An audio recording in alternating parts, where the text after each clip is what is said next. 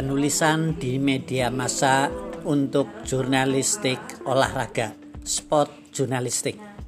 Deskripsi kajian terhadap komponen-komponen keterampilan menulis jurnalistik. Tujuan untuk meningkatkan pemahaman terhadap konsep menulis untuk bentuk dan tulisan jurnalistik yang meliputi bentuk tulisan berita, laporan, reportase, feature, cerita, opini, artikel, tajuk retana, dan kolom.